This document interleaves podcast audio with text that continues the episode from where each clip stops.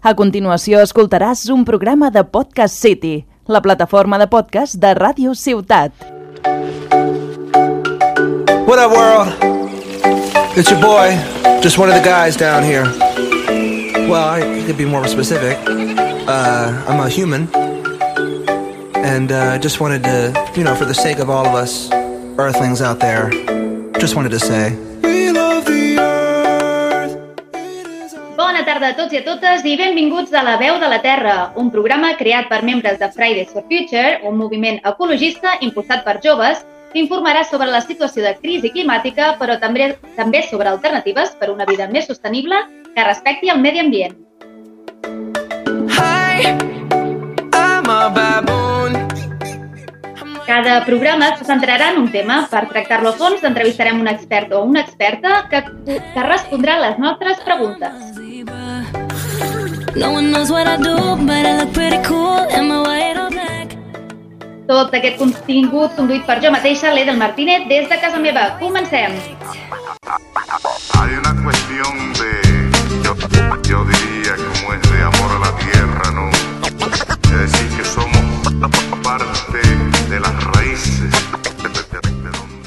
L'energia elèctrica és necessària per al nostre dia a dia, però els sistemes de generació i de consum actuals perjudiquen greument el planeta. Els combustibles fòssils com el petroli, el carbó o el gas natural alliberen grans quantitats de diòxid de carboni que contribueix a l'augment de temperatura atmosfèrica i la contaminació de la Terra.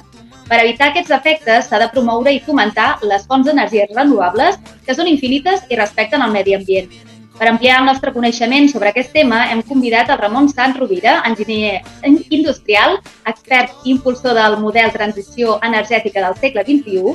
També ha publicat tres llibres i ha fet més de 200 conferències sobre aquesta problemàtica. Bona tarda, Ramon.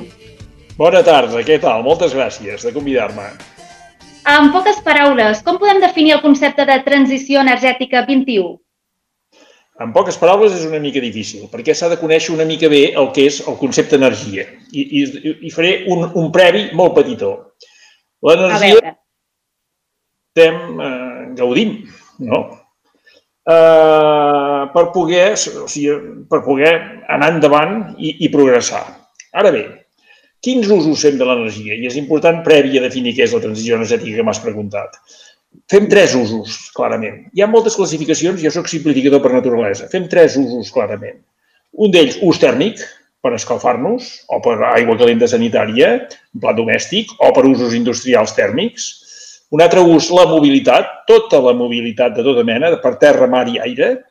I el tercer ús, l'energia elèctrica, que és un invent de fa, de fa un segle, un segle i pico, que amb, ell, amb ella doncs, doncs, eh, fem anar mol, moltíssims aparells, fem anar l'ordinador, fem anar, ens il- il·luminem, fem anar motors, etc etc etc. Aquests tres usos, aquest, eh, els nostres abans passats, què tenien? Doncs no, s'escalfaven abrigant-se i amb llenya del bosc. Eh, la mobilitat, doncs, doncs caminaven o feien servir eh, animals per, per, per, per, per, per, per càrregues, etc etc etc. I, evidentment, l'electricitat no existia. Què hem fet nosaltres? Doncs hem sortit una colla d'espavilats. Eh, hem, hem pensat que, que volíem viure molt bé, i ho hem fet bé, però, però hem fet un disbrat. Hem exhumat els residus de milers i milers d'anys d'abans passats, boscos, animals, etc etc etc, que es van, es van quedar a terra, es van, es van colgar de terra, es van podrir, va generar uns líquids pestilents, que és petroli, un gas, carbó, eh, urani, que no és, és un mineral però no deixa de ser un producte danyí. I amb, amb això hem arribat uns espavilats que amb un segle o un segle i mig estem exhumant aquests, aquests productes i els estem cremant. Els estem cremant com? Doncs per usos tèrmics, torno als usos tèrmics, eh, amb calderes, cremant el carbó, cremant el gas o cremant calderes de gasoil per produir energia tèrmica. Per la mobilitat, els motors d'explosió són tots cremant gasoil o gasolina, combustibles fòssils. L'aviació són turbines, però cremen, cremen querosè, combustibles fòssils. I la part elèctrica es genera en la seva majoria, o almenys s'ha generat fins ara en la seva majoria a base de centrals tèrmiques, que vol dir cremant també combustibles fòssils o urani, que és una altra manera de cremar. Eh, està clar que a partir d'aquí un, procés complex, generant vapor, el vapor fa turbina, la turbina, genera, la turbina eh, eh, farà un alternador i l'alternador dona energia elèctrica. Un, un, una, una, un, un sistema molt complex. Molt bé. Això és el que hem fet fins avui. Això és el que hem fet Això és, això és el, el, el, el, el resultat del procés industrial en el que hem agafat els recursos de la Terra, els hem aprofitat i ho hem volgut generar tot amb diners. Diners que, que ho han aprofitat uns quants, poquets. Què és fer la transició energètica? Doncs deixar això de, de, de costat, perquè és molt perjudicial, molt, ja en parlaré, és molt perjudicial per la salut, i eh, passar a aprofitar els béns, els, els, les meravelles que ens regala la biosfera. El sol, el vent, els salts d'aigua, la biomassa, etc etc etc. Això és fer la transició energètica. Una transició energètica que sí o sí, eh, sobretot ara en aquest segle que tenim informació, hem vist que és necessària, perquè a part de necessitar, entre cometes, aquesta energia que consumim, jo crec que fem un consum una mica abusiu, no? Potser estem abusant d'aquest consum. Sí, sí, jo faig moltes vegades a les meves conferències una pregunta, usem o abusem de l'energia? I realment abusem. Eh, quan, quan veiem que la potència, jo dic, faig una comparativa molt senzilla, la potència d'una persona humana mitjana són 50 watts. Això és la potència mecànica d'una persona mitjana. I tenim un vehicle, per exemple, que té 130 cavalls, que són 100 quilowatts, 100.000 watts. Tenim això, un vehicle graig. Estem tenint una, a casa tenim 4 quilowatts de, de potència elèctrica contractada, que són eh, 4.000 watts Eh, tenim els camions, la, la camiònica aquí arriba bé, que és una bestiesa, és una bajanada, doncs són camions de 300 a 400 quilowatts, 300.000 a 400.000 watts. Si fem aquesta relació amb persones pedalant, si ho haguéssim de fer amb persones pedalant, cada un de nosaltres, per mantenir el nivell de confort que tenim avui dia, necessitaríem 1.000 persones pedalant. I això és, és si, si, si ho reduïm a, a l'absurd, que és som 8.000 milions d'habitants al planeta, aquest és, aquest és un altre problema també, eh? o sigui, és una virtut, però també és un problema de cara als usos i als consums. Dels 8.000 milions, doncs eh, 7.992 milions pedalarien, perquè només 8 milions, una població com una mica més gran que Catalunya, pogués seguir gaudint del nivell de confort que tenim avui nosaltres. Llavors, la pregunta de si usem o abusem de l'energia és evidentíssim que usem. Òbviament, i si haguéssim i si haguéssim de pedalar, segurament no abusaríem d'aquesta energia, no? Si hagués de sortir del nostre esport, la nostra perspectiva. Però com que només paguem, només entre cometes, anem fent, anem fent i anem contaminant el planeta si optem per les energies no renovables. Però per això, com bé deies, ara exist, sempre han existit, però ara ens hem adonat que les podem aprofitar i eh, crec que és bastant fàcil. Després en parlarem com podem fer, com eh, podem fer nosaltres aquest canvi. Però també volia parlar del tema de la, del transport, que ja has començat a parlar, ja que un percentatge molt important de la contaminació que genera prové del transport. I en els últims anys han aparegut eh, diferents combustibles o tecnologies eh, per generar la seva energia, com el biodiesel, els vehicles elèctrics o, o el motor d'hidrogen. Quina creus que és la millor opció, si n'hi ha alguna? És, sí. Eh, ja. El motor d'explosió és un invent meravellós, un invent mecànic meravellós, però no es va ser conscient de la bestiesa que era cremar, o sigui, haver de fer girar una roda, fer girar un eix i una roda darrere, o una turbina amb un avió, o un hèlix en un vaixell, cremant combustibles amb, uns, amb un sistema complex, uns cilindres, uns cigonyals, una complexitat mecànica meravellosa, però, esclar, desastrosa, des del punt de vista de, de, de l'ambient, del medi ambient. Uh, quina és la solució? Motors elèctrics i quan diem motors elèctrics, tant valen per alimentació a base de bateries com alimentació a base d'hidrogen. És el mateix vehicle. La gràcia és que, més, és el mateix vehicle. O sigui, l'hidrogen, el dia que, que, que no hi hagi el, el, el, el o sigui, l'hidrogen és dels últims esgraons, per, eh, els últims graons per, perquè la transició ja no es pugui aturar. Però estan frenant, aquests grans, grans interessos estan frenant l'hidrogen. L'hidrogen és molt interessant perquè es converteix, molt, o sigui, l'hidrogen de què genera? Doncs aprofitant les hores que no necessites l'energia, energia elèctrica neta, per electròlisi, el procediment tan senzill amb aigua, descomposem l'aigua amb hidrogen i oxigen. l'oxigen l'aboquem a l'atmosfera, a l'atmosfera, l'aprofitem, o sigui, generem més, més oxigen, fantàstic, i l'hidrogen el guardem. L'hidrogen guardat pot servir per mobilitat directament en els vehicles o per eh, guardar-lo i regenerar energia elèctrica en els moments que ho necessitem. L'hidrogen en els vehicles què fa? Fa el mateix, regenera electricitat i l'electricitat fa anar al, al vehicle elèctric. Vol dir que els fabricants podran fer una cosa molt senzilla, fer un disseny de vehicle elèctric, només elèctric, i podran escollir, podràs escollir, oi, m'agrada aquest cotxe, el podràs escollir el vull en bateria o el vull amb hidrogen. Però normalment seran les dues coses. Serà tan senzill com això. Ara, bloqueig, bloqueig, ja veus què està passant, uns fabricants que tanquen, uns altres que d'això, tots fan el ronso per no fer el vehicle, eh, el vehicle elèctric o d'hidrogen, que és el mateix. Eh? En el fons, a part, l'altre benefici seria que no s'utilitzen aquestes bateries que a la llarga són un residu més, no? Exacte. Aquest és l'avantatge de l'hidrogen, que podrà, podrem prescindir bona part de les bateries. Però de moment la bateria encara és una bona solució, mentre no hi hagi l'hidrogen a punt, que ara, ara sí està treballant fermament, però costa, costa de què abans. S'han d'anar invertint i deixant a banda aquests interessos, com bé deies, no? Interessos. Um, a les a les teves conferències, que tinc la sort d'haver acudit a una d'elles l'any passat, menciones que les energies renovables són, viables, són viables energèticament, climàticament, econòmicament i territorialment. Sé que és molt llarg d'explicar, eh, perquè hi ha molts motius i s'ha d'entendre molt bé, però a veure si és possible fer un petit resum de cada un dels, dels conceptes. Bueno, ho intento. Mira, t'ho explico amb la petita història que jo em vaig plantejar quan vaig voler saber, o sigui, jo, jo de, eh, va moment que vull dedicar-me altruistament a pressionar i explicar el canvi de model energètic, però primer ho vull entendre jo molt ben entès. Què vaig fer? Doncs vaig, primer, la primera cosa que vaig voler veure, perquè d'entrada no ho tenia clar, si les renovables eren viables energèticament. La primera pregunta que em vaig fer. O sigui, de les renovables es pot generar prou energia, el que ens deien en aquells moments, jo vaig començar això fa uns 10 anys, el que ens deien en aquells moments, o 12, el que ens deien en aquells moments és que ni parlar-ne amb renovables, res. Es pot, es pot fer joguinetes, aplicacions de joguineta, però res, res, res, res. I vaig començar a rascar, a rascar, ja coneixo, i em vaig donar compte que, bueno, per donar-te una petita idea, el vent ens podria donar mil vegades, eh, perdó, el vent 50 vegades més l'energia que usem els humans. 50 vegades més l'energia total que usem els humans.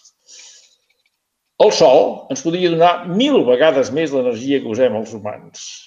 O sigui, I això és tot el que ens dona el Sol a la Terra. No, ens dona molt més el Sol a la Terra. Ens dona de l'ordre de 10 vegades més encara. O sigui, em vaig donar compte que l'energia energèticament era absolutament viable. O sigui, la, la biosfera ens fa uns regals meravellosos. I nosaltres som tan rucs que preferim usar uns productes del, del subsol però, esclar, aquests productes del sol es poden transformar en diners. A diferència de que el vent, el sol, no tenen amo, no, no, són, no es treuen d'uns pous determinats o i es, poden, es porten aquí, es poden vendre a, a dipòsits o a través de canalitzacions. És un regal, és, és absolutament democràtic, és un regal de la biosfera i ens, i ens, i ens en donen a tots. I clar, això treu negoci a uns personatges, a unes empreses, ho tenen molt ben lligat tot. Siguem clars, no solament lliguen l'entorn d'empreses i la publicitat i això, sinó que lliguen molt més, més ample. Eh? Hem parlat de polítics, parlem, ho tenen molt ben lligat. Aleshores, és clar, eh, aquesta és la complexitat i aquesta és l'avantatge. Primera qüestió, energèticament era viable. Anàvem per la segona, bueno, està molt bé, però Esclar, climàticament ho és automàticament, perquè em vaig donar compte, vaig estar veient què, què es necessitava per aprofitar el sol, per aprofitar el vent, etc etc. i esclar, un molí, la realitat, té una mecànica, però també la té un, una, una, molt més complexa una central tèrmica o, o, o una central, ja no veiem una central nuclear.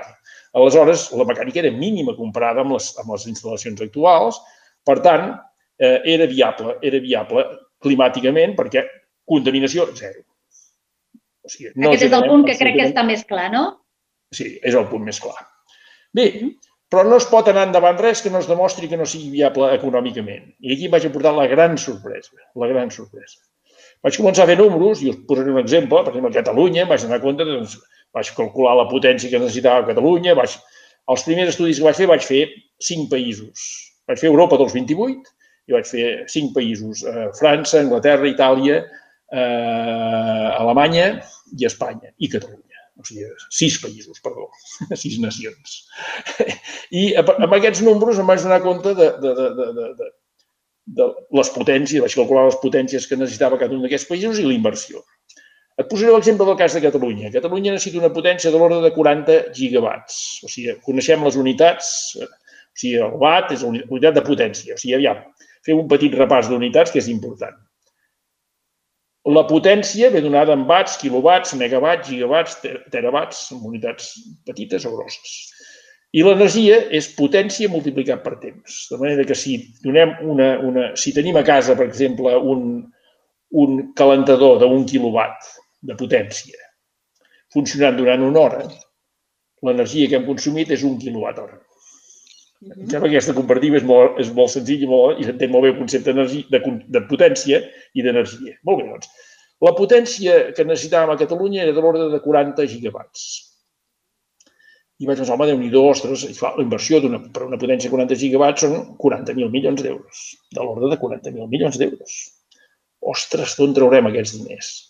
Doncs la sorpresa que em vaig endur a continuació és què estaven pagant de combustibles fòssils per generar aquesta energia i em vaig donar compte que la xifra de, de factura exterior que estaven pagant era superior a 200.000 milions d'euros. déu nhi Per tant, o sigui, ens n'estalviarem 200.000 de factura exterior, compte que nosaltres, els catalans, ens costa molt més, perquè paguem, els, paguem impostos, paguem els marges d'aquestes companyies, el transport, les refineries. Uh -huh. Ens costava, el que em va semblar una, una barbaritat, 40-50.000 milions d'euros, la inversió, l'estalvi és meravellós. I em vaig donar compte que econòmicament no és que fos viable, és que fos hiperviable. Però, esclar, així vaig arribar a una altra conclusió. Algú, algú guanya aquests dinerons. S'ho deixarà escapar? No, Molt. clar, clar com sempre diem en aquest programa, quan hi ha interessos, hi ha certs interessos, eh, fan el possible perquè això vagi així. Normalment aquests interessos venen de dalt, llavors són qui pren les decisions, lleis, etc. no? Llavors, sí, sí, hem d'obrir nosaltres els ulls per veure que, òbviament, és més, eh, més bo per nosaltres, per evitar tota aquesta contaminació i, sobretot, que també és, és, eh, és, és uh, viable econòmicament, que, que ens sortia molt, molt més barat. econòmicament, molt viable. Totalment. Totalment. I em quedava una part de l'estudi de dir, bueno, i territorialment, què necessitaré? Tot Catalunya, hauré d'omplir tot Catalunya de molins o de, o de plaques fotovoltaiques? Doncs no. La realitat va ser que necessitàvem de l'ordre de, de 1 a 1,5% del territori. O sigui, una superfície relativament petita. Unes 40-50.000 hectàrees. Eh, d'aquest ordre. Bueno, I em vaig donar compte d'una altra cosa terrible o sigui, em vaig donar compte de que, per exemple, tenim unes centrals nuclears. Tenim la mala sort de tenir un accident amb una central nuclear, perdem de per vida un territori el doble, el doble que aquest que necessitem per tota l'energia de Catalunya. I seguim amb les centrals nuclears funcionant. Perillosíssimes, que qualsevol dia pot haver un accident, ja n'hi ha hagut... Fins ara la primera va ser eh, Chernobyl, bueno, és Fukushima, home, els japonesos, els japonesos els passi això ja és seriós. La propera on serà? Mentre no les tanquem, doncs, doncs França n'hi ha 50, aquí a Catalunya n'hi ha, ha, ha 4, esperem tenir la sort de no tenir-la aquí. Però que sapiguem això, la comparativa, o sigui que territorialment també és molt viable. No sé si el resum te l'he fet, fet bé o us l'he fet bé o no, però em sembla que és, és molt clar. Perfecte, perfecte, perquè hi ha moltes coses que és obligatori, són obligatòries dir-les i crec que el missatge ha arribat clar.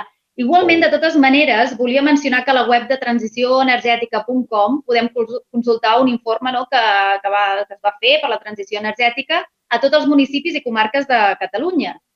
Um, també dit ràpidament, si no estaríem tot un dia i a mi m'encantaria, però no tenim temps de la ràdio, Um, quines dades podem trobar sobre la nostra zona així més concreta del Camp de Tarragona? Mira, jo us he mirat Tarragona, Tarragonès, Reus i Baix Camp. I et donaré quatre dades. Seré, seré ben, molt bé. Mira, les potències, començaré. Les potències. Doncs mira, Tarragona ha d'instal·lar 788 megawatts. Tarragonès, 1.067. Reus, 354. I Baix Camp, 808. Faig aquest barreig de, de números, però bueno. La, eh, eh, perdó, això és l'ús i la potència, estic dient malament, això és, això és l'ús final que fem amb, amb gigawatts hora any i la potència és, és una mica diferent, perdona. 788 megawatts a Tarragona, 1.700 al Tarragonès, 425 a Reus i 970 al Baix Camp. La inversió, doncs mira, 800, 820 milions d'euros a Tarragona, 1.775 al Tarragonès, a Reus 497 i al Baix Camp 1.153. Carai, quina inversió més gran. Però l'estalvi, doncs l'estalvi de factura exterior, tornem-hi, és, és proporcional al cas de Catalunya. Doncs mira, a Tarragona s'estalviaran 3.433 milions d'euros. Al Tarragonès, 7.630 milions d'euros. A Reus, 2.123 milions d'euros i al Baix Camp, 5.013 milions d'euros. I el territori que necessiten? Doncs, bueno, eh, Tarragona no té un territori massa gran pel nombre d'habitants i necessita el 15,7% del territori, que és bastant, és molt, però té comarques prou bones. Tot i així, el tarragonès necessita el 6,2% del territori, vull dir que déu nhi però, per exemple, el Baix Camp només necessita el 0,96% del territori, que és molt poc. Aleshores, què vol dir? I Reus necessita el 8,35% del territori. Què vol dir? Que hi ha d'haver proximitats, doncs molt bé, doncs, doncs, doncs comarca propera, que, que et sobra territori, que, que a més tens pocs habitants, doncs eh, posem generació eh, i ho aprofiteu. O sigui, que no sigui, planto unes plaques fotovoltaiques i me les has, has de regalar l'energia. No. Doncs busquem una manera, invertim-hi. A més, invertim-hi nosaltres, la gent del territori, invertim-hi i cedim l'energia als jocs que van una mica faltats de territori. Aquesta és la, aquestes són les dades més o menys de les, de les vostres comarques, m'entens? I que si consulteu a la web, aquesta, doncs hi ha totes les dades de, de tots els municipis i comarques de Catalunya. Hi ha 1.003 entrades. És increïble per moltes vegades que ho senti, l'estalvi és molt gran, que és el que hauria d'interessar i hauria d'obrir-nos els ulls. I després de sentir tot això, suposo que els polítics ja ho saben, eh, quin creus que és el motiu pel qual la majoria de població i també els polítics ja sabem que són els interessos, Uh, per què encara no han optat per les energies renovables? Bueno, jo m'hi he barallat molt i m'he fet uns cips de fer xerrades, ja ho saps, ho has anunciat, ho has comentat molt bé. Uh, bueno, els interessos. O sigui, els grans problemes són els interessos. Aquest és el grans problemes. Però n'hi ha més, o sigui, hi ha més coses. O sigui, jo diria que hi ha tres is. I ara et faré una definició una mica curiosa. Hi ha tres is que influeixen a que no vagi endavant. Primera, la ignorància. No es coneix aquesta problemàtica, la ignorància. Segona, la incompetència, i, i, i parlo, i parlo de, de, de, de, de molt món polític que té incompetència en aquest sentit. I tercera, els interessos.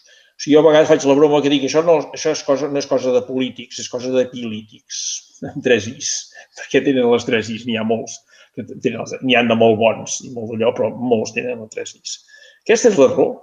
Aquesta és l'error. No es coneix massa bé el problema, si es coneix no hi ha prou nivell de competència. I aquí ve una, una, una part molt important. Jo estic pressionant a universitats i hauríem de, entre tots pressionar a universitats. Friday for Future.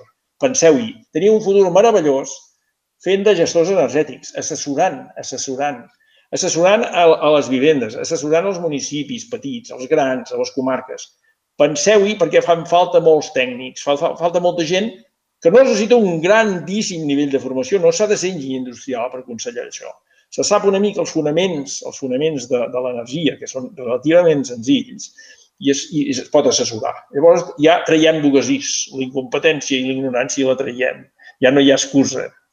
I els interessos, evidentment, amb aquests números, tampoc. O sigui, la realitat i la veritat i la solució és aquesta. Ara, creiem-hi tots, lluitem-hi i pugem. Hem d'empènyer entre tots i, sobretot, jovent, el jovent té un futur meravellós, que l'agafi, que l'empenyi i que es dediqui a això, perquè pensa bé una cosa, no hem parlat dels llocs de treball que es generen, però, per exemple, a Catalunya a mi em surt que generaran de l'ordre de 80.000 nous llocs de treball. Sí, aquesta tampoc seria una excusa de, oh, si, si ens passem a les energies renovables perdrem feina. Tot el contrari. Eh, generen molt treball, un treball molt bo, molt, molt acceptable. Es diu, home, s'han de, tancar, de tancar centrals de carbó, per tant, algunes mines ja s'han tancat pràcticament totes, però és un treball dur i fotut.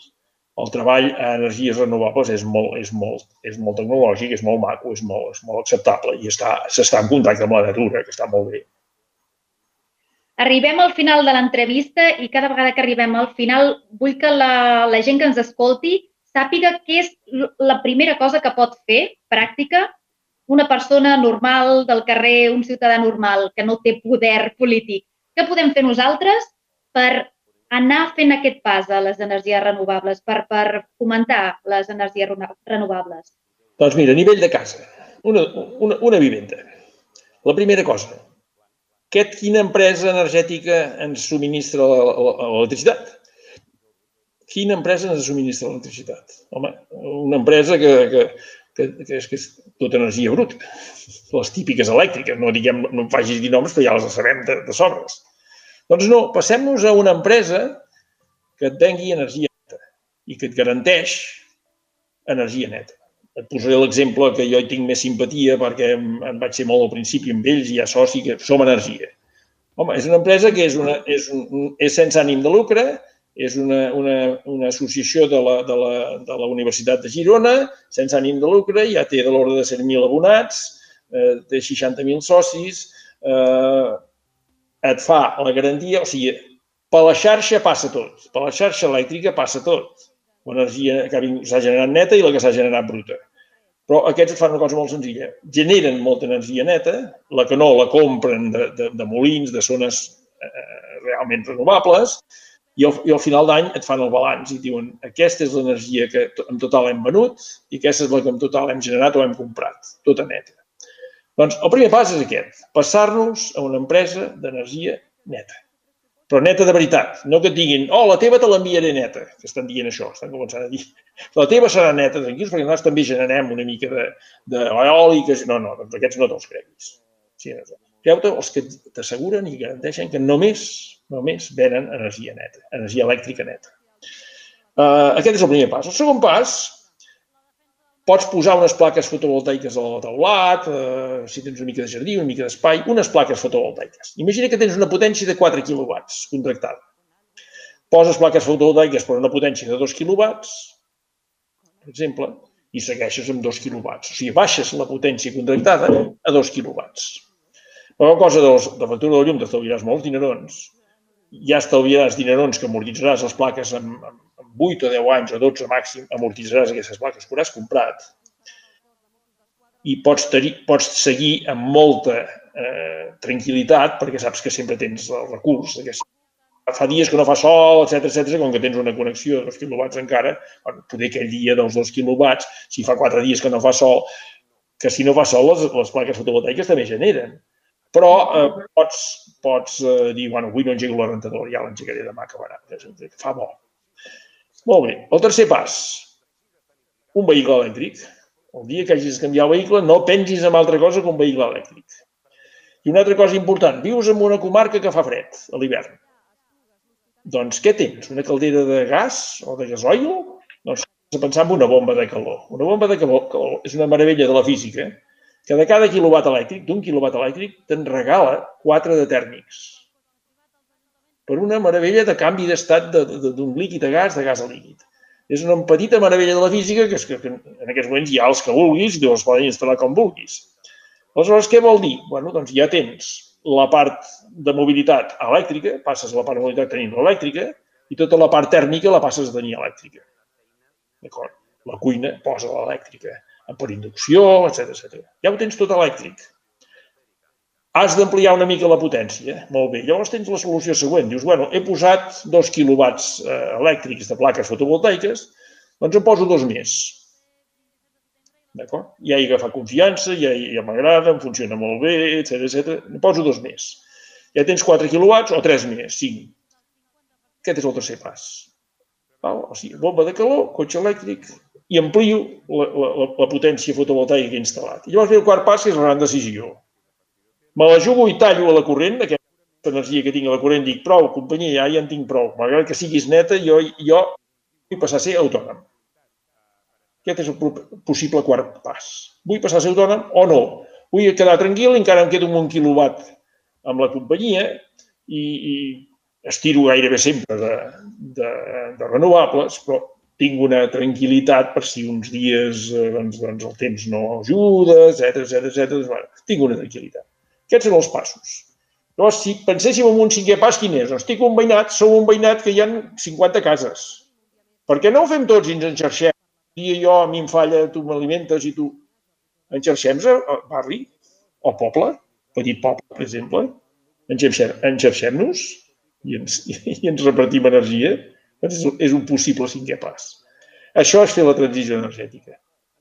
Déu-n'hi-do, passet a passet, i començar des del primer i des del primer agafarem la confiança, ens anirem informant, anirem coneixent, anirem parlant amb més gent i veurem que aquesta és l'única solució perquè si no acabarem tots molt malament, em sembla a mi, no? Um, com sempre diem, informem-nos, parlem i escoltem aquest programa perquè convidem a aquesta gent tan interessant que estaríem hores i hores parlant, uh, agafant informació per, perquè tothom ho sàpiga. Uh, Ramon Sant Rovira, ha sigut un plaer, de veritat, uh, que estiguis aquí amb nosaltres a la veu de la, de la Terra. Uh, nosaltres continuem difonent tota aquesta informació i passet a passet esperem que la transició s'acabi perquè acabi, uh, que l'energia acabi sent del tot verda. Deixem fer una observació, un comentari. Primer agrair-vos que m'hàgiu deixat explicar-vos tot això. Eh, sempre que vulgueu estic a la vostra disposició pel que em necessiteu per, per, per explicar-vos, per assessorar-vos, per ajudar-vos i felicitar, felicitar, ho faig sempre a la gent, aquest jovent de Friday for, for Future. Eh, felicitar-los. S'estan queixant. Els hi va el seu futur. Tenen tota la raó, tota la raó, tota la raó. Donem-los i tota la raó, raó ajudem-los. Ja comencen a saber-ne d'energia. Penseu professió que ja us he dit de futur, és la vostra professió. El vostre futur el, el resolveu més bé si vosaltres sou els professionals d'aquest vostre futur. Aneu endavant. La última cosa que ja us dic, en nom de la nostra generació, que hem estat tan inconscients, que ens hem, hem gaudit del sistema, ens hem aprofitat de, de, de, dels recursos de la Terra d'aquesta manera i els hem mal, mal, malbaratat d'aquesta manera, jo us demano perdó en nom d'aquesta generació. Una generació que hem fet les coses malament. Eh, molt, moltes hores, la majoria de vegades inconscientment. Altres... Doncs aneu endavant, aneu endavant, que el futur és vostre i que hi som a temps. Ui, no hem pogut escoltar aquestes últimes frases. Suposo que eh, em deies que hi som a temps, no? Que hi som a temps, sí. Hi som a temps, anem endavant, tenim solució encara. Les renovables són una gran solució, però ens hi hem de posar ben aviat. I aquí hi ha una cosa que us la vull que us quedi gravat s'està parlant de transició energètica acabada a 2050. No. 2050 és tard, fem tard. Lluitem per dir transició energètica 2030. O sigui, tenim 10 anys que ens en sobra per fer la transició energètica completa. Res de 2050. I a partir d'aquí pressionem al màxim per això. Tots, tots plegats, pressionem al màxim per això com més ràpid, ràpid anem i més ràpid fem aquest canvi, suposo que la natura ens ho tornarà i nosaltres ho podem gaudir. Així que tota la raó, tota, tota la raó. Una altra vegada, moltíssimes gràcies. Estem en contacte i fins aviat, Ramon. Moltes gràcies. Adéu-siau.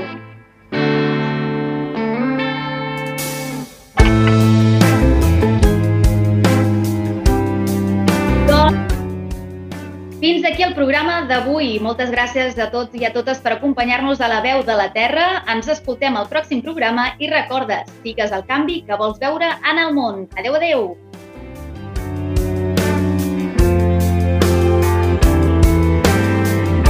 Has escoltat un programa de Podcast City, la plataforma de podcast de Ràdio Ciutat.